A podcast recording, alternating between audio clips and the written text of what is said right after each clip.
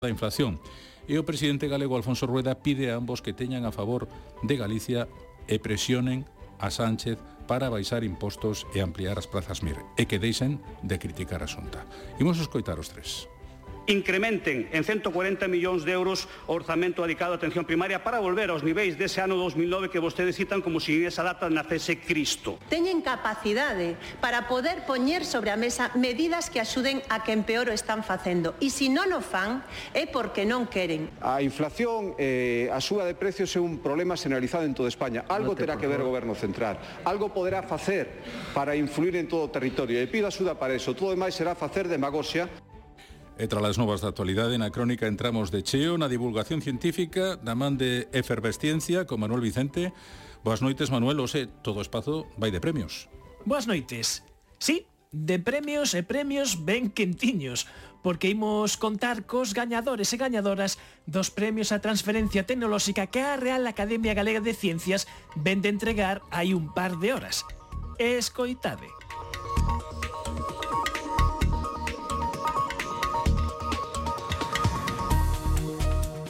Moi boas noites. Un saúdo de César Goldi e Manuel Vicente. Somos o equipo de Efervesciencia.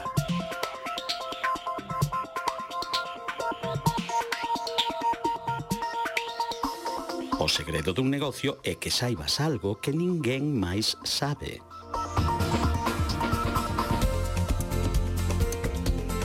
Isto é de Aristóteles. Aristóteles. O coñecemento é unha fonte de riqueza, pero esta ecuación non é nin inmediata nin automática. O camiño para lograr que unha investigación chegue ao mercado adoita ser longo e con moitas vías mortas. Por exemplo, Marconi non foi o inventor deste medio tan maravilloso que é a radio. A radio foi un invento colectivo. Aí están Popov, ou Tesla. Pero quen recorreu o camiño ata o mercado e conseguiu as patentes e logrou a súa comercialización foi o italiano Marconi, que levou tamén os loureiros, o Nobel e os cartos. Esta tardiña entregáronse no Palacete de San Roque, en Santiago, os premios á Transferencia Tecnolóxica 2022 que outorga a Real Academia Galega de Ciencias en colaboración coa Xencia Galega de Innovación, GAIN. Neste programa monográfico coñeceremos os gañadores das diferentes categorías e tamén os galardoados pola Academia co Premio á Divulgación e ao Xornalismo Científico. O segredo dun negocio é que saibas algo que ninguén máis sabe. Levaba razón este Aristóteles, o magnate Aristóteles Onassis, pero razón parcial.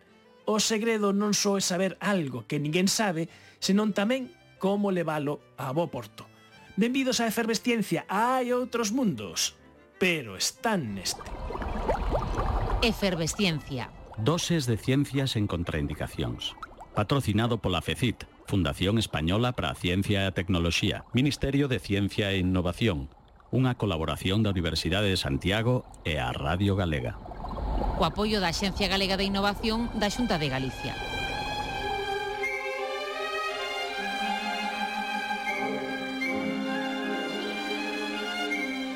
O premio Francisco Quitián Ojea a un traballo de investigación aplicada destes premios de transferencia 2020 ten como obxeto premiar a unha tecnoloxía aínda non transferida á industria, pero que sí que teña importantes aplicacións. O gañador foi o proxecto Polydip, sistema intelixente de detección e clasificación en tempo real de lesións colorectais mediante Deep Learning.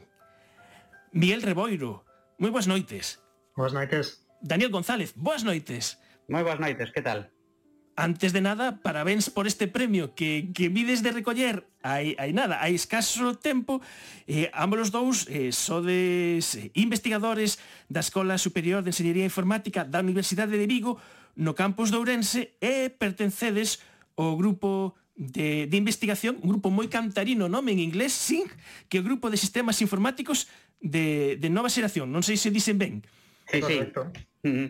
Como xurde eh, este proxecto eh, Polidip, por, porque polo que sei, eh, históricamente no vosso grupo de investigación non traballabades en, en detección de imaxe, senón que utilizades a, utilizades a inteligencia artificial eh, para outros labores. Sí, iso é, nos, o noso grupo de investigación sí que tiña experiencia en traballo con inteligencia artificial, ademais normalmente cun, cun carácter así aplicado, E a idea deste proxecto, a verdade que surdiu, non, non surdiu da nosa parte, surdiu máis da parte do, do hospital. E o orixen deste proxecto está pois nunhas xornadas que se organizaron así para poñer en contacto grupos de investigación da universidade con grupos de investigación do hospital. E aí, bueno, nestas xornadas non contactamos directamente co, co grupo Guiodo, que con quen fixemos este proxecto de investigación, sino que a posteriori pois eh, contactamos con Joaquín Cudella, que é o seu o, o seu investigador principal ou responsable deste grupo, eh, fixemos unha reunión, e esa reunión nos fomos un pouco a contar as cousas que facíamos e ver que ideas ou que problemas tiñan eles, e aí pois foron eles que nos propuxeron esta idea de, de tratar de, de detectar, eh, clasificar pólipos colorectais. Nos, eso, non tiñamos experiencia nesta parte máis de, de detección, na, na, no que se chama visión por computación ou visión artificial, eh, para nós pois era un reto, parecenos moi interesante o tema, parecenos un campo novo no que meternos dentro da inteligencia artificial eh, e aceptamos ese reto, non? E así comezou esta, esta idea. E imos ver como se ve precisamente esta colaboración desde outro lado. E xa citastes, Joaquín Cubiela. Moi boas noites. Boas noites, como estáis? M moi ben, Joaquín Cubiela é o responsable precisamente do grupo de oncoloxía digestiva eh, en, en Ourense. Eh, como foi ese primeiro contacto co, co, cos informáticos que vos dixeron estamos aquí para que queidades pedide unha carta aos rismagos foi así ou non? Foi unha tormenta de ideas que nosotros ya nos conocíamos y sabíamos de lo que estaban haciendo, de la potencialidad y capacidad, tanto a nivel de sus proyectos propios como compartidos con otros, otros compañeros eh, médicos como con otras instituciones para lo que es la comunidad autónoma de Galicia. Eh, en un determinado momento nos plantearon mm, qué opciones teníamos de colaboración y probablemente esto sea de, de los momentos más bonitos que tiene la investigación, cuando surge una idea, cuando surge una, en este caso una necesidad, cuando nos planteamos una hipótesis, porque es la, digamos, la semilla, el momento primigenio de cualquier investigación. Y, muchas veces estas, semillas no, florecen, no, no, maduran, y en este caso sí que floreció. Y, fue algo muy, sencillo, porque ellos nos plantearon que, estaban interesados en, valorar, en valorar si montábamos alguna algún proyecto de investigación conjunto. Y, y nosotros eh, en nuestro grupo trabajamos en lo que todo que tiene que ver con la prevención y diagnóstico, sobre todo de cáncer de colon, porque es muy frecuente en nuestro medio, y, y, por ende en lo que es las técnicas endoscópicas. Y hay un problema, un problema que afortunadamente es un problema limitado porque los endoscopistas eh, que hacemos, eh, sobre todo programas de cuidado, somos bastante, bastante buenos, eh, pero hay un problema en lo que es la dificultad de, de, detección de lesiones. Parece que ver un pólipo es fácil, pero a veces no es tan sencillo ¿no? y no es un poquito más complejo.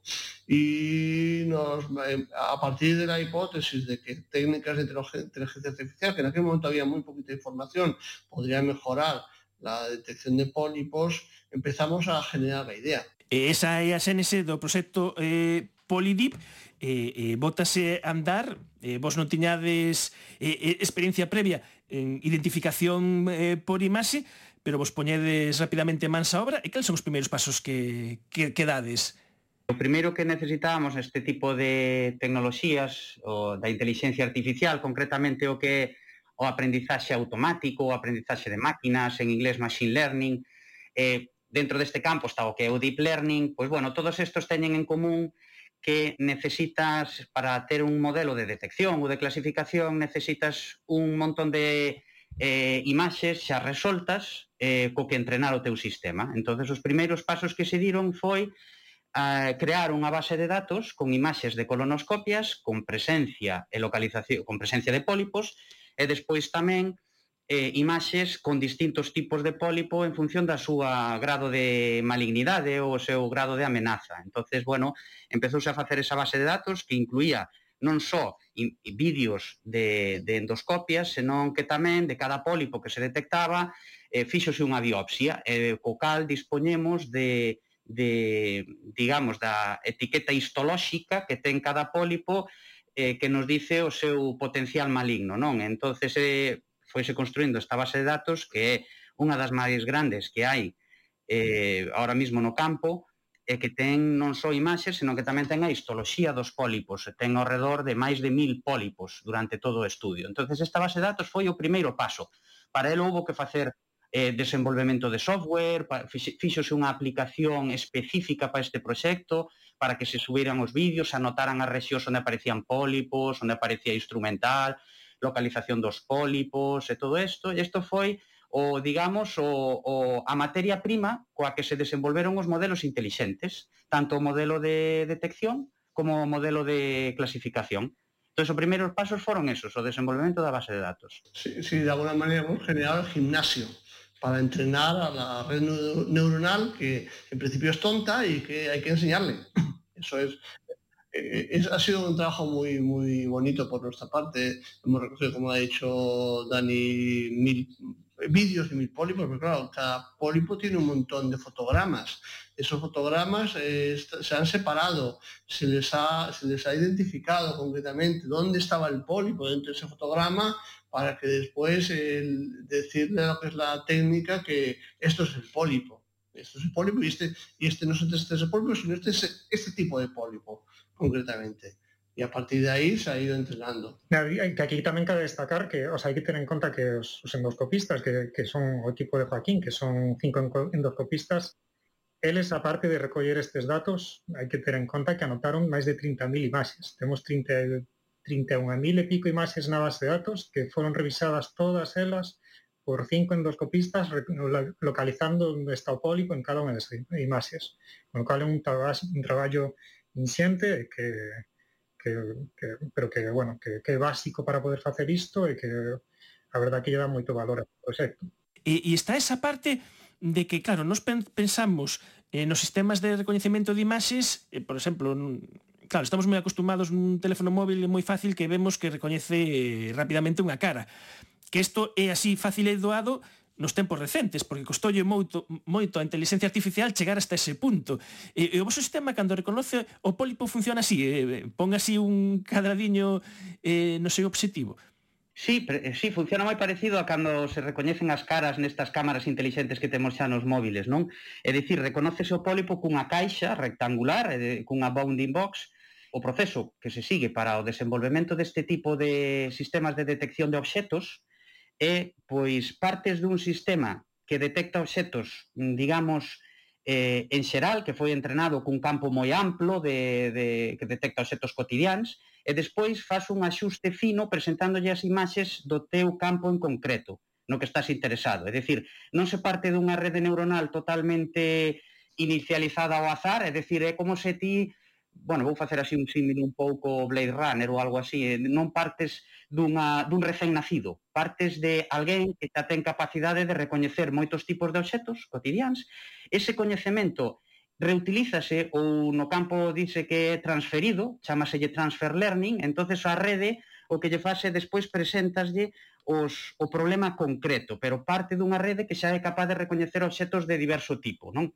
Entonces, ti despois presentaslle un lote grande de imaxes de pólipos e especialízala nese terreo. Eso é, a, é, é como se fan as redes de, de detección de obxetos.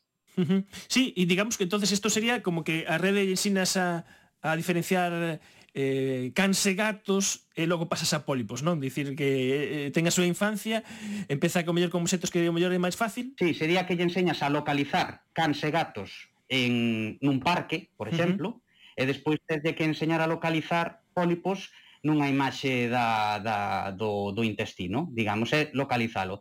Despois o que é a, de, a rede de clasificación, digamos, de pólipo, de decirse eh, benigno maligno, xa o que lle presentas é unha imaxe únicamente dun pólipo, digamos que o pólipo é toda a imaxe, e despois sí que tes que dicir se esa imaxe é un can ou un gato. Pois tes que dicir se é máis ben mm, benigno ou máis ben maligno.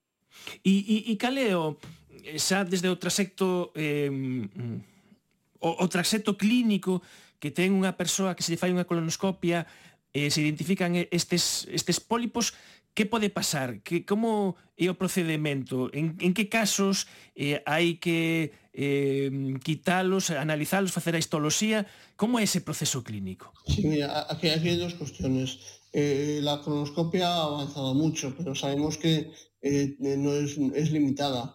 Aproximadamente uno de cada 20 cánceres que se detectan son cánceres que no se han detectado en una colonoscopia previa. Ese es el problema. Y eso proviene sobre todo de, hay una variable primordial que es el endoscopista, es la, el factor humano, nunca mejor dicho.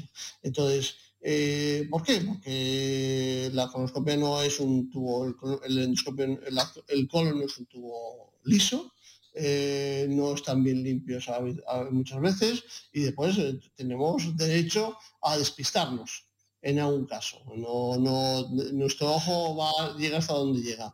Eh, lo que hacen los sistemas de, los sistemas de, de detección, de, de, ayuda al diagnóstico, es lo que están haciendo es señalando aquellas zonas donde creen que puede haber un pólipo. Señalándonos nos van a obligar a mirar mejor, a mirar específicamente esa área y decir, vale, esto es un pólipo, esto no es un pólipo. Por eso, este, por este motivo, aunque pueda generar un incremento de señales, es importante que sea, que sea sensible. Y, y, en este es, este es, el sentido que tiene. Es decir, eh, si somos capaces de detectar todas las lesiones con la mayor precisión posible y secundariamente, que es lo que hacemos habitualmente, eliminarlas eh, con el endoscopio, vamos a, vamos a reducir los riesgos en futuros de que puedan tener un cáncer de colon. Incluso nos podemos plantear, si aquellos pacientes que tienen pólipos, podemos, podemos reducir el número de seguimientos que tienen que hacer a futuros. Después hay, hay otro aspecto, lo que pasa es que es más complejo, porque no todos los pólipos tienen el mismo riesgo de transformación futura hacia un cáncer de colon. Hay un pólipo, lo que nosotros llamamos adenoma, tiene un riesgo conocido y bastante estandarizado y que son el objetivo principal en los programas de cribado. Y hay otros pólipos que son los, los pólipos hiperplásicos o los pólipos cerrados que en algunos casos sí que existe ese riesgo y en otros casos no existe un riesgo. Y, ahí, ahí es una cuestión casi no diría económica pero casi porque eh, quitar un pólipo significa analizarlo, significa un coste, un tiempo de trabajo para otro profesional. Hay pólipos que probablemente eso sería suficiente con, con, con quitarlos endoscópicamente sin necesitar analizarlo o en algunos casos incluso ni siquiera sería necesario, quitarlos porque no tienen riesgo de malignización. Esa es la, otra parte del proyecto. Una parte del proyecto va dirigida a detectar los pólipos, que ahí tenemos que ser muy sensibles, otra parte va dirigida a eh, caracterizar. Hacer, y eso, eh, caracterizar qué tipo de pólipo. Y esta es la parte más complicada. Porque de, hecho ya, ya, ya, podemos adelantar que incluso los endoscopistas, nuestro ojo es bastante malo también a, a la hora de hacer esa diferenciación. Eh, a pesar de que estamos entrenados y supone que eh, manejamos eh, escalas, no terminamos de hacerlo bien. Porque como he dicho, el factor humano es, es lo que tiene. E esa é a fase na que, na que estades agora na de mellorar eh, a, a clasificación eh, esa porque a detección eh, polo que se ve a ferramenta funciona moi moi moi ben eh, estades eh, na fase do proxecto no Polydip eh, nunha fase de, de proba de concepto no que xa andades a pensar si eh, isto que de momento é un proxecto eh, de investigación de como pode ser transferido e se ten esas posibilidades. Sí, estamos agora co que chamamos Proyecto Política Advance, que é un proxecto que, que recibiu eh, financiación nas convocatorias prova de concepto do Ministerio, e son convocatorias con carácter moi de transferencia. entonces eh, no proxecto no que estamos agora, que é unha continuación de Polidip, ten dúas patas principais. Unha é desenvolver un plan de acceso ao mercado, entón avaliar pois axentes que podan estar interesados no proxecto ou vías de comercialización, eh, ver eso, como cal, cales son as posibles vías de levar isto ao mercado. E despois, por outro lado, ten, por outra parte, ten a parte de validación clínica, que na que queremos avaliar o rendemento do, do proxecto nun entorno real. Non? Entón, faremos ensaios clínicos, farase primeiro a partir de setembro, farase un ensaio aquí en Ourense e despois posteriormente faremos un ensaio entre Ourense e Vigo e Pontevedra.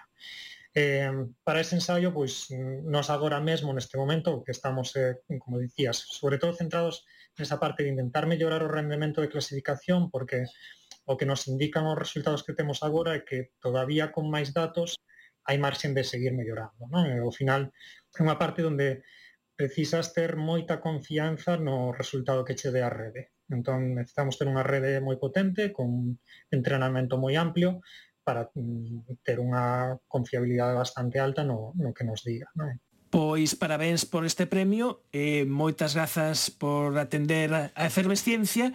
Estivemos a conversar con Miguel Reboiro e Daniel González eh, do grupo SIN da Universidade de Vigo no campus de Ourense e con Joaquín Cubiela que é responsable do grupo de Oncoloxía Digestiva no Complexo Hospitalario de Ourense. Moi boas noites, encantado de falar con vos. Muchas gracias pola oportunidade. Moi boas noites. Necesito con un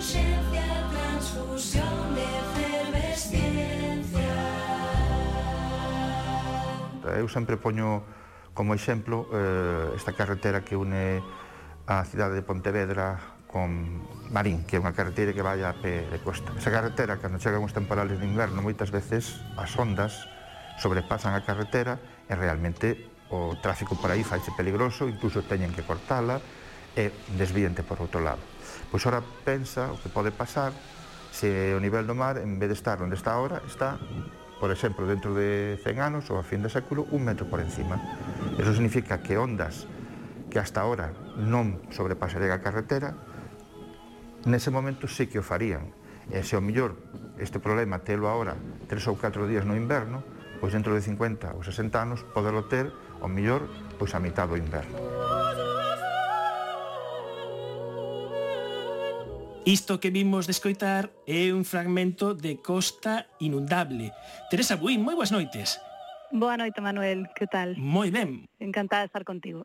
E, eu tamén, compañeira, porque ves de recibir o premio o xornalismo Científico Celia Brañas da Real Academia Galega por unha reportaxe que se chama así, Costa Inundable, que emitistes no Vivir aquí da Televisión de Galicia. Sí, señor, no mes de xaneiro que xa emitimos nada emocionada, imagínate, eh, moi honrada, porque a verdade é que recibir un, un premio dunha institución así eh, é, é algo que me, que me enche, porque sabes que a ciencia non ten moita presenza nos medios, na televisión de Galicia eh, o noso programa non é específico de ciencia, entón, pois nada, recibir este galardón aí dunha institución tan prestixiosa, é un, un honor inmenso, unha alegría tamén porque se vexa que facemos algún traballo destes, o que podemos, imos así pouquiño a pouco. Esta reportaxe o como salienta o, o xurado pois a utilización dos, dos expertos correctos e non caer nun tema de, de, de aumento do nivel dos mares no, no catastrofismo, que é unha cousa que acontece moito, porque contar estas cousas se, se dar alarma e dar unha, unha información do que coñece a comunidade científica, bueno, pois hai que manexar un certo equilibrio. Sí, pois iso é o que o que tratamos de facer, claro, a ver, os científicos, os, os expertos que participan, eu sempre lles quedo eternamente agradecida, porque son eh, contar co seu coñecemento, neste caso, nós o que queremos é iso, pois buscar, estábamos, mentras gravábamos a reportaxe, celebrábase o, o cumio de, do clima en Glasgow. Eh, escoitamos todos os días eh, fático da subida do nivel do mar, que se si subimos máis de 1,5 graus, pois a cousa eh, vai subir moito. Eh, entón eu estaba escoitando sempre falar disto e tendo en conta ademais que eu vivo en Rianxo, imagínate que estou aquí pegadiña a Ría da Arousa, pois eh, quería saber que vai pasar aquí, pero que vai pasar falando ca xente que, que está estudando isto eh, sempre escoitamos datos que nos chegan así globais, de moi lonxe, eu quería saber o, que, o que me contan a xente que, que está estudando isto aquí.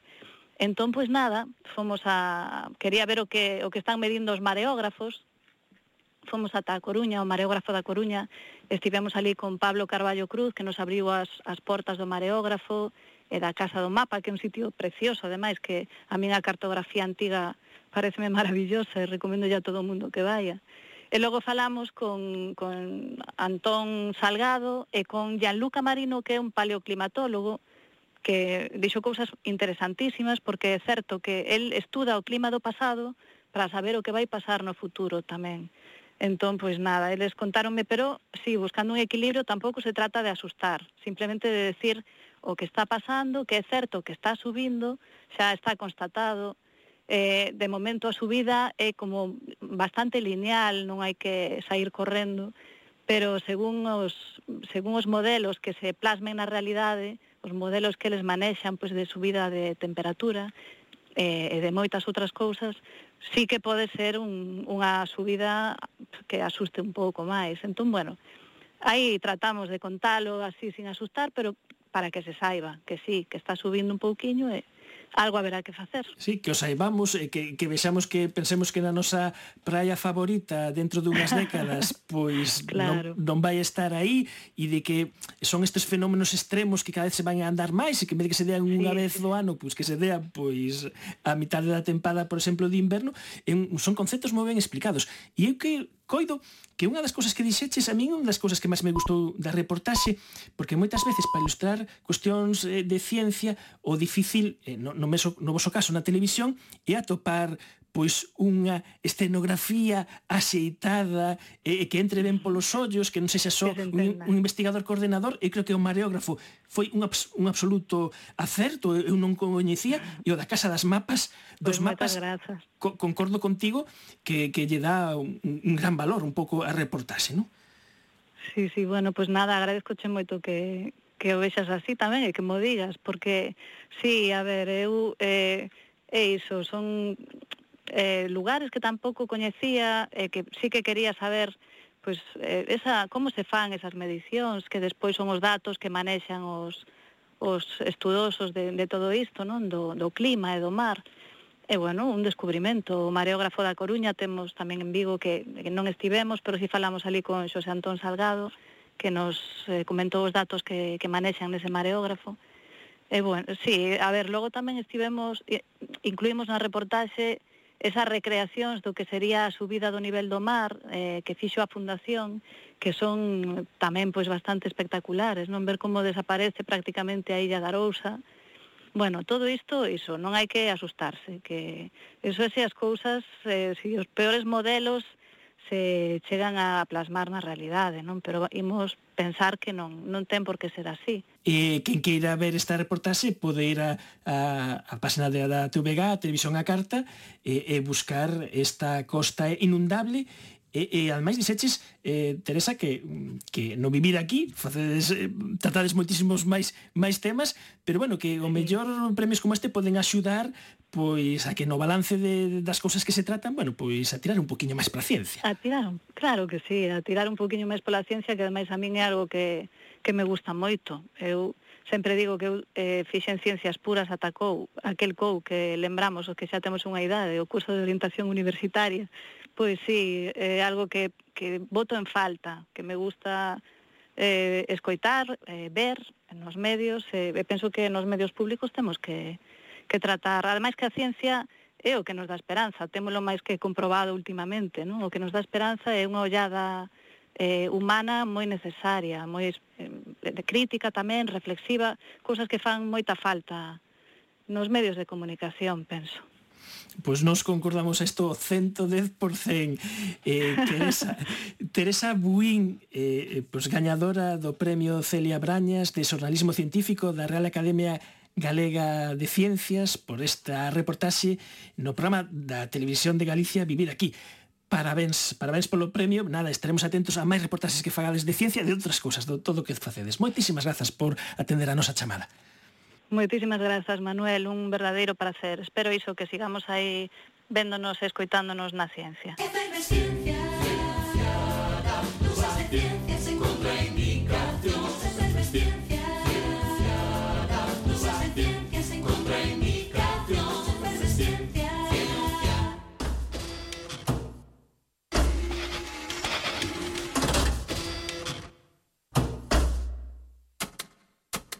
en este punto en efervesciencia imos dar conta do segundo dos tres premios a transferencia que outorga a Real Academia Galega de Ciencias, o premio Fernando Calvet Prats, un premio que está destinado a un caso de éxito de transferencia de tecnoloxía desde un grupo de investigación.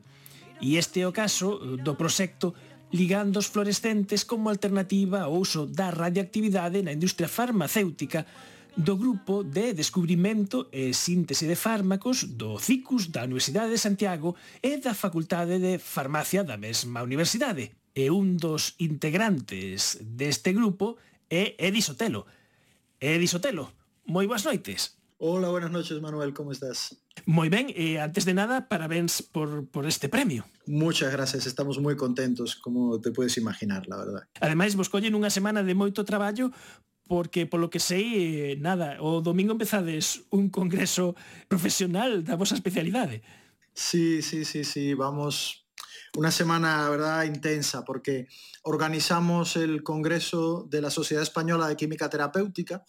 Este es un congreso europeo también porque estamos consorciados con la Federación Europea y recibimos, sí, casi 200 profesionales de la academia, de la industria biotecnológica y farmacéutica aquí en Santiago, pues para hablar de las últimas novedades en descubrimiento de fármacos, un poco qué es lo que viene en, la- en las terapias y, bueno, los fármacos que- que vienen, que están surgiendo.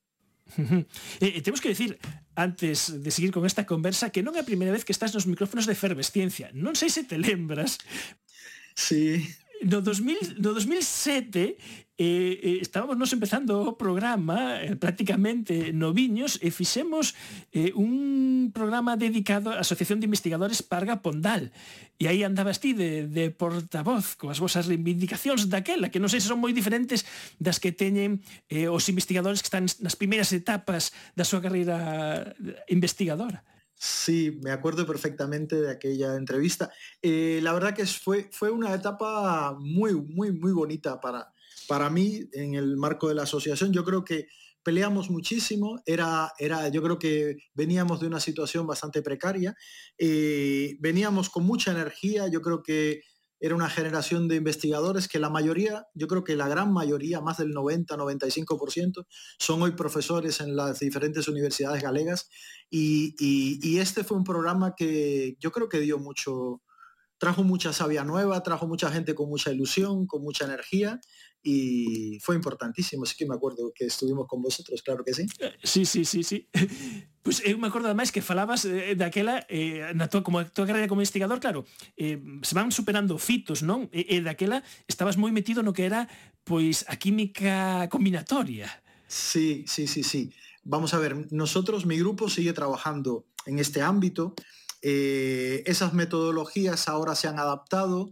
Y digamos que un poco la hemos enriquecido, la hemos eh, modulado, la hemos adaptado y seguimos muy, muy metidos en la parte metodológica, porque mi ámbito de trabajo es el descubrimiento de fármacos o herramientas farmacológicas que permitan conocer mejor la biología para entenderla y por tanto proporcionar una hipótesis que permita un tratamiento o una cura.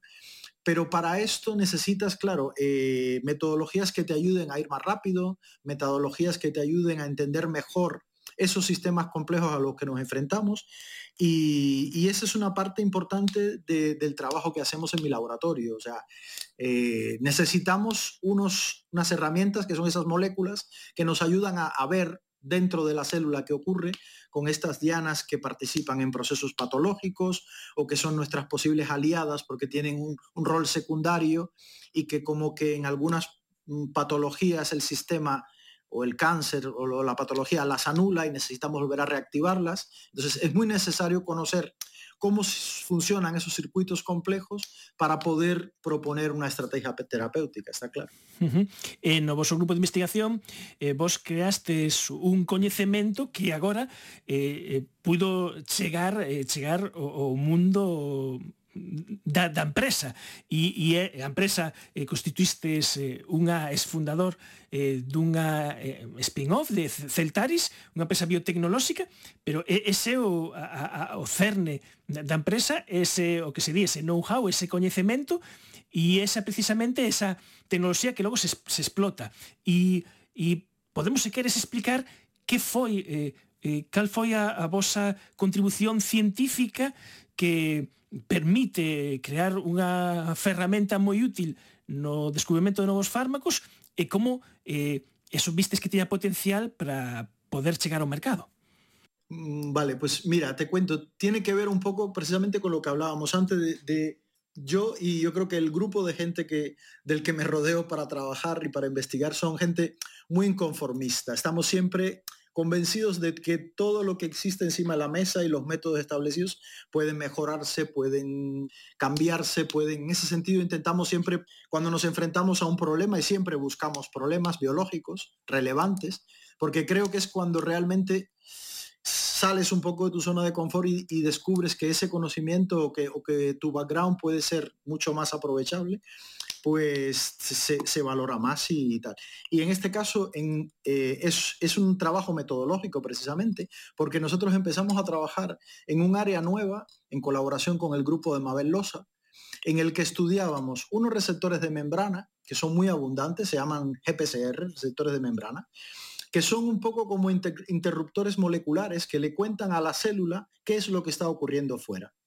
Hay un montón de mediadores que son los que actúan sobre esos receptores y hay una serie, eh, te puedes pensar que esos eh, receptores o esas dianas son las dianas sobre las que actúan más del 30% de los fármacos que existen a día de hoy, pero además eh, quedan muchísimas, hay más de, la- hay más de 800 eh, proteínas de ese tipo, más de 400 son huérfanas todavía, quiero decir, hay mucho trabajo aquí por hacer, pero eh, lo, que, lo que estábamos descubriendo, estamos hablando del año 2009, conseguimos un proyecto del ministerio y lo que nosotros nos interesaba era estudiar cómo esas dianas que están en las membranas dimerizan, form- forman dímeros, forman agregados funcionales y se comunican entre ellos y en determinadas patologías esos dímeros están sobreexpresados y bueno, pues son de alguna forma, eh, tienen funciones patológicas. Entonces nos interesaba estudiar esos dímeros, que no existía ningún tipo de, de herramientas. De hecho, prácticamente la mitad de la comunidad científica estaba diciendo, estaba en contra de la existencia de los dímeros. Quiere decir que el proyecto conseguirlo fue bastante complicado. Hoy, hoy está completamente establecido que, que existen los dímeros, que son funcionales, que son patológicos y además que podemos tratar patologías ac- actuando sobre estos dímeros. Es un tipo de diana supramolecular, porque no es el típico concepto de una proteína, es un dímero de una proteína, que en muchos otros ámbitos ya se sabía que existen así, pero en este ámbito no era tan claro. Pero la realidad era que había muchos eh, efectos fisiológicos y evidencias eh, fisiológicos que, que- demostraban o que sugerían que la existencia de los dímeros. Bueno, pues fuimos a este proyecto, como te imaginarás, muy fácil de hacer, pero apasionante por otro lado, y necesitábamos desarrollar fármacos que fuesen duales, porque claro, si la diana es dual, necesitas dos fármacos para unirlo y necesitábamos herramientas eh, fluorescentes duales para trabajar con estos, con estos, estudiar esos receptores. Y nada de lo que existía era, vamos a decirlo así, práctico o nos permitía llegar a los resultados que necesitábamos. Entonces decidimos que desarrollar una tecnología completamente nueva para tratar este problema. Normalmente existía un modelo de dos moléculas funcionales unido por un espaciador, un espaciador, vamos a decirlo así, afuncional, cuya única función era conectar, elemento conector. Nosotros evolucionamos esto hacia una, un tipo de metodología donde los linkers, esos conectores son funcionales, además son dinámicos, los puedes ensamblar en el momento que se está eh, pegando a las proteínas y claro, eso te garantiza que vas mucho más rápido, que puedes llegar y puedes conseguir que la molécula de los fármacos que están en los extremos entren exactamente de forma perfecta en el receptor. Y a partir de esa tecnología empezamos a trabajar, a optimizar. Decidimos parar todo ese proyecto. Estamos hablando del año 2009. En 2013 leyó la tesis eh, uno de mis doctorandos, que era el que trabajaba en ese proyecto, y decidimos eh, guardar y proteger toda esa información, no leyó ese capítulo de la tesis, para protegerlo y para no ni publicarlo, ni presentarlo, ni nada, seguimos mejorando, refinando, validando la tecnología y en el 2018 nos presentamos al... He de decir que también la tesis de este doctorando, quitándole esas, esa, ese, ese, ese tercio de la tesis, publicamos siete artículos y llevó el premio extraordinario de doctorado. O sea que eh, aquí hay, te hai imaginas que, que... Sí, sí, aquí hai que explicar aos nosos ointes que cando vas facer unha, unha patente eh, non pode haber ningunha comunicación absolutamente previa dos contidos das, das patentes, porque invalidan o proceso. E unha presentación pública dunha defensa dunha tese de doutoramento é un acto público e pode invalidar que logo podes facer a patente ou algún eh, competidor pode dicir que xa houve unha publicación previa. E logo as patentes contra que crea a xente, logo son públicas, ti podes acceder a esa información, pero antes de, de facela, e entonces isto supón ter as ideas moi moi claras eh, da potencialidade do que tiñades entre as mans.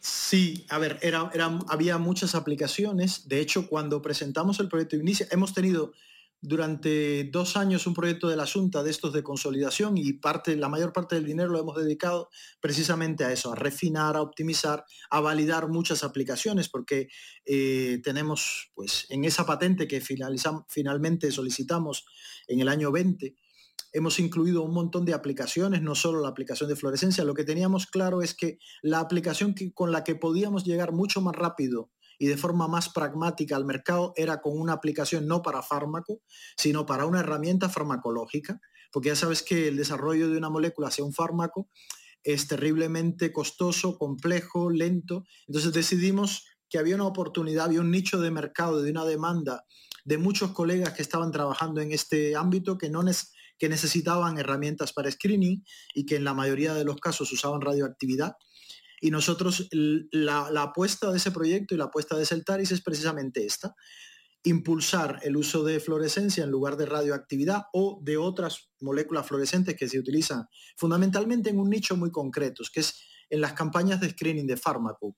Sabemos todos que para llegar, que un fármaco llegue al mercado, detrás de él hay en muchos casos millones de moléculas que hay que probar. Entonces, nosotros eh, hemos puesto a punto ese, ese, trabajo y nuestro objetivo, o lo que hacemos, es desarrollar moléculas fluorescentes que sirven de testigo, sirven como estándares para seleccionar cuáles son las mejores y cuáles son las que avanzan. Ese es, este es un poco a lo que se dedica Celtaris. Y sobre todo impulsar el uso de la, de la fluorescencia como una tecnología que es muy sensible, que es muy versátil y que es medioambientalmente respetuosa comparado con el uso de la radioactividad, que aunque se usa en muy pequeñas eh, cantidades y con unos radioisótopos que, eh, digamos, están muy controlados, son mucho más caros, requieren controles sanitarios, eh, controles de laboratorio, autorizaciones especiales. De hecho, por ejemplo, yo tengo unos amigos en Francia que ellos usan radioactividad y no lo pueden usar en su laboratorio, porque en Francia solo a lo mejor en todo lo que viene a ser las regiones eh, españolas, por ejemplo en Galicia, a lo mejor en, un sistema análogo en Francia, uno o dos eh, laboratorios puede trabajar en los departamentos con radioactividad. Tienen controles mucho más severos todavía que nosotros. Y también es verdad que desde el punto de vista medioambiental, desde el punto de vista de la concienciación de nuestra sociedad, pues está claro que el camino es este. Estas cosas son herramientas muy, muy útiles, pero sí tenemos que estar forzados a usar herramientas que sean más respetuosas con el medio ambiente y, y ese es un poco parte de, del, del, del know-how y la, la razón de ser de Celtaris. Edi Sotelo, parabéns por este premio a transferencia tecnolóxica na modalidade Fernando Calvet Prats, de éxito de transferencia da tecnoloxía dun grupo de investigación galego. E o gallá non han de pasar outros 16 anos para que volvas a efervesciencia e está aí ese convite para que nos veñas a contar todas estas cousas tan interesantes. Cuando queráis, Manuel, estoy muy, muy contento de, de hablar con vosotros cuando, cuando llaméis.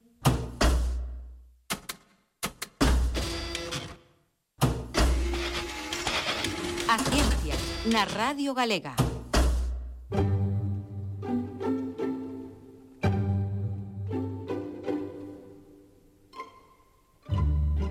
Esta tardiña no Pazo de San Roque en Santiago de Compostela tamén entregouse o Premio a Divulgación Científica 2022 que otorga a Real Academia Galega de Ciencias e que desta volta recaeu en Manuel Casal de Rei. Manuel, moi boa noite. Buenas noches. Manuel Casal de Rei é catedrático xubilado de Física Química, doutor en Química e coido que un dos divulgadores galegos que comenzaron alá pola década dos 80 cando a divulgación científica era algo que era pouco común ver nos medios de comunicación. Lo que se refiere a la voz de Galicia, sí, empecé a escribir sobre ciencia, divulgándola, pues hace 33 años. 33 años haciendo, vamos, escribiendo para la voz de Galicia eh, unos 2.000 y pico artículos. Y bueno, pues sí, efectivamente, no sé si fui de los primeros, pero fui de los, de los pioneros, por decirlo de alguna forma, sí. De onde veu a súa vocación de facer esta divulgación científica máis alá do seu labor eh, profesional como profesor de física e química, como empezou a facer esta divulgación?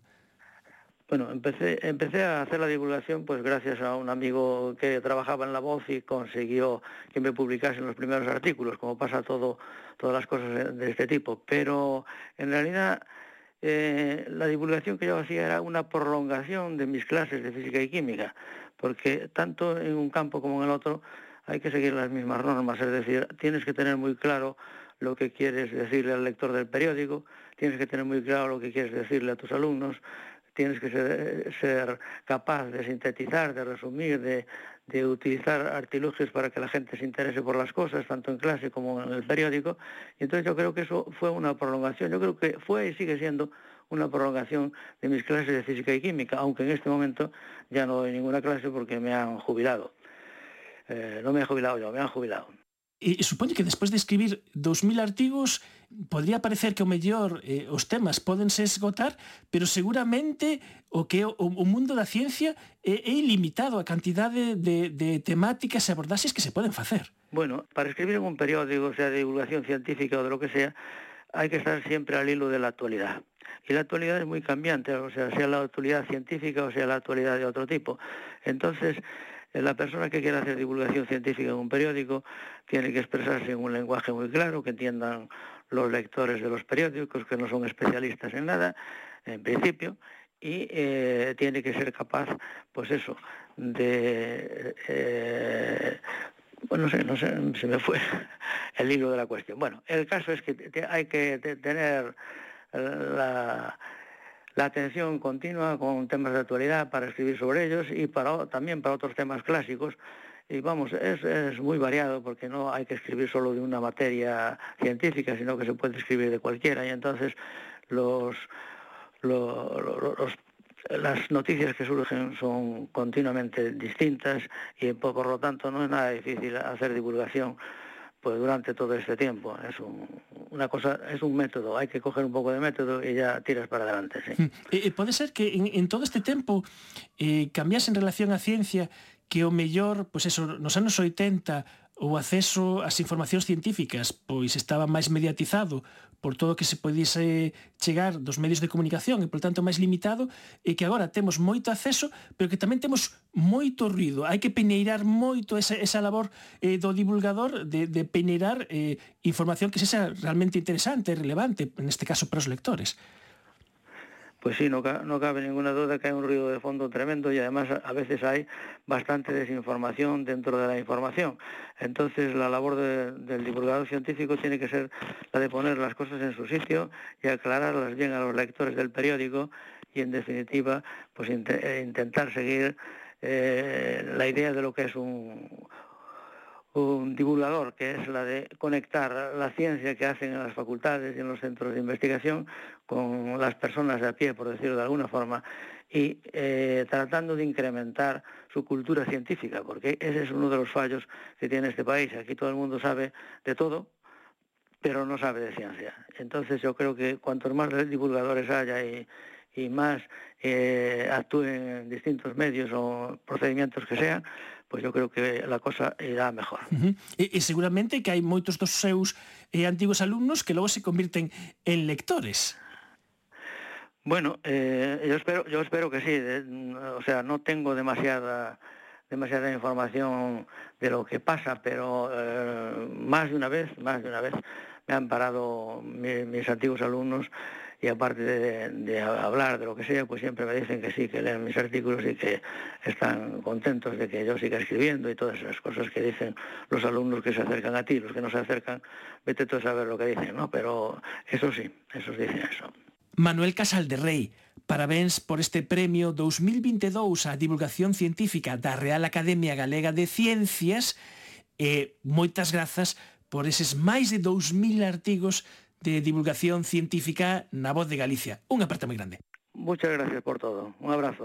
Leo que escribiches no guión. Mentres a atención mundial está centrada nos vos suborbitais dos magnates, un grupo de investigadores desenvolven investigacións de vanguarda para a humanidade moi preto dos nosos fogares. Un momento. Non mencionas a efervesciencia. Perdémonos os loureiros. Isto vai no segundo parágrafo. Eh? Efervesciencia agora está na crónica. Os mércores ás 9 da noite na Radio Galega. The hell's gonna read the second paragraph? E quen di años vai escoitar o segundo parágrafo?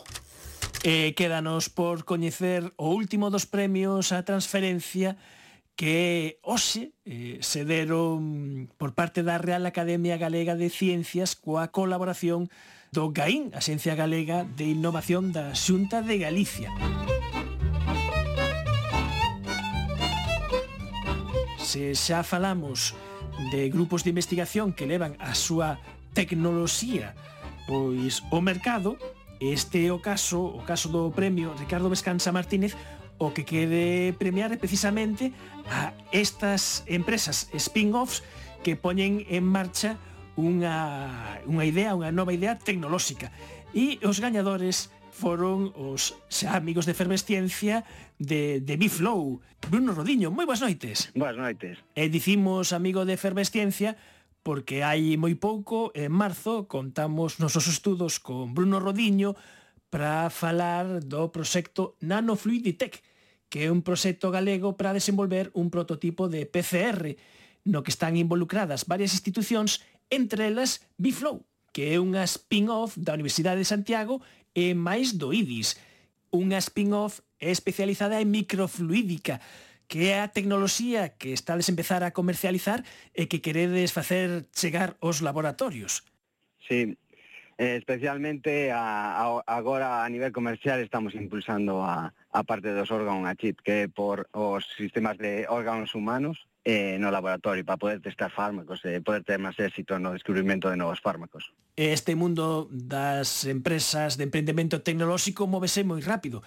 Eh, non sei se houbo novedades nestes meses que pasaron desde a última vez na que falamos. Sí, os, os, os tíos de microfluídica con nanofluidité, con el proxecto nanofluidité, estamos avanzando eh, en paralelo, estamos desenvolvendo a nosa actividade comercial con, con uns chips para replicar os, os vasos sanguíneos para poder testar fármacos en, en eh, que podan facer dano no sistema cardiovascular ou poder comprender máis as enfermidades cardiovasculares eh, agora crecimos un montón, porque cando fixemos a entrevista éramos éramos dous, María Serena e Maseu, e agora somos sete, que xa crecimos un montón se os pensamos en termos de porcentaxe, pois pues nada, un 300% máis, claro. Sí, sí, sí, estamos moi contentos. E cal é o vosso mercado? Temos dous mercados principalmente, os laboratorios de investigación, para poder estudiar as enfermidades e os novos medicamentos e tamén as industrias farmacéuticas, porque ten o problema de que cada vez eh, é máis caro desenvolver novos medicamentos, eh, hai unha, unha certa porcentaxe de fallo destes, destes medicamentos a nivel de pre, a nivel clínico e nós queremos mellorar esos porcentaxes a nivel preclínico, poñendo nova tecnoloxía antes dos estudos animais para poder optimizar incluso o uso das animais, reducir o seu uso e, e facer todo un pouco mellor e máis racional. E como é tamén a, a cuestión eh, que tamén é importante do, de ter o financiamento abondo para poder precisamente levar a cabo o, o proxecto, non? Digamos que eh, nos plans de desenvolvemento da, das empresas que hai como mm, deste tipo hai como varios fitos, non? que un quere ir ir acadando para ir medrando, ir conseguindo unha masa crítica que poidas, eh, bueno, pues conseguir que logo o, o o, a empresa pues, xa vaya, como que di, eh, soa, bueno, pasado ese, ese esforzo inicial que eh, conseguir pues, ter ese, ese primer retorno, non? Claro, eso comeza moito con diñeiro de apoio público, e, e logo conseguimos inversión privada tamén, pero temos que saltar a, a poder ter viabilidade económica a nivel de ventas. Entón, estamos hace, facendo agora mismo ese impulso comercial para poder chegar a tener unhas ventas suficientes para, bueno, para sobrevivir e facer máis cousas e mellor e con máis diñeiro. Pois estes son os primeiros pasos que está dando eh, a spin-off eh, Biflow eh, que, que naceu pois, eh, dunha colaboración pois, de diferentes eh, eh, investigadores de diferentes camiños, desde a Facultade de Óptica, eh, a Facultade de, de Física de Santiago, a Fundación de Investigación Sanitaria de Santiago, para mm, poñer eh, pois este proxecto de microfluídica o servizo do, de novos descubrimentos, de descubrimentos de novos fármacos. Estivemos a falar eh, esta noite con Bruno Rodiño. Nada, reitero os meus parabéns, xa nos iredes contando eh, como vai fluindo Biflow. Moi ben, eh, quería agradecer ao todo o equipo, especialmente a María Sebani, por o esforzo de, de traer esta empresa para adelante. Pois aí queda este recoñecemento. Moitísimas grazas, Bruno. Moitísimas gracias. Efervesciencia. Patrocinado pola FECIT, Fundación Española para a Ciencia e a Tecnoloxía, Ministerio de Ciencia e Innovación, unha colaboración da Universidade de Santiago e a Radio Galega. O apoio da Xencia Galega de Innovación da Xunta de Galicia. E escoitámonos o vindeiro mércores na Radio Galega. Adeus.